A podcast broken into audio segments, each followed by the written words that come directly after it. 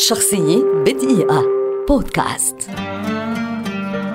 براد بيت. ممثل منتج ومخرج أمريكي شهير ولد عام 1963 ويعد واحدا من أبرز نجوم السينما على مستوى العالم. بعد أن لعب عددا من الأدوار العابرة جاءت انطلاقته الحقيقية من خلال فيلم ثلما أند لويز عام 1991 قبل أن يلعب أدوار البطولة الأولى له في الأفلام ذات الميزانية الكبيرة مع أفلام الدراما A River Runs Through It عام 1992 و Legends of the Fall سول عام 1994 وفيلم الرعب Interview with the Vampire عام 1994 عام 1995 قدم براد بيت أداء استثنائيا نال استحسانا كبيرا في واحد من أعظم أفلامه على الإطلاق بعنوان 7 ثم في فيلم الخيال العلمي 12 Monkeys في العام نفسه والذي حصل عنه على جائزة الجولدن جلوب لأفضل ممثل مساعد وترشيح لجائزة الأوسكار. ومن الأفلام الأخرى التي تألق فيها بيت نذكر Fight Club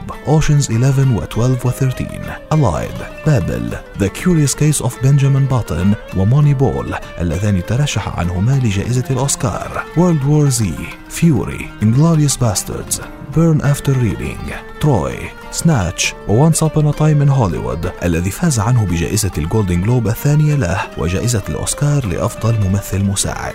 كما أنتج براد بيت عدة أفلام منها The Departed و 12 Years a Slave اللذان فازا بجائزة الأوسكار لأفضل فيلم و Moneyball و The Big Short من عام 2000 إلى عام 2005 تزوج براد بيت من الممثلة جينيفر أنيستون وفي عام 2005 قام بالتمثيل مع أنجلينا جولي في فيلم مستر أند مسز سميث. قبل أن يتحولا إلى أشهر ثنائي في العالم ويتزوجا عام 2014 وينفصلا عام 2019 تم اختيار براد بيت كواحد من أكثر الأشخاص تأثيرا وقوة في الصناعة الترفيهية الأمريكية. ولعدد من السنوات تم اختياره الرجل الأكثر جاذبية في العالم من قبل وسائل إعلام مختلفة.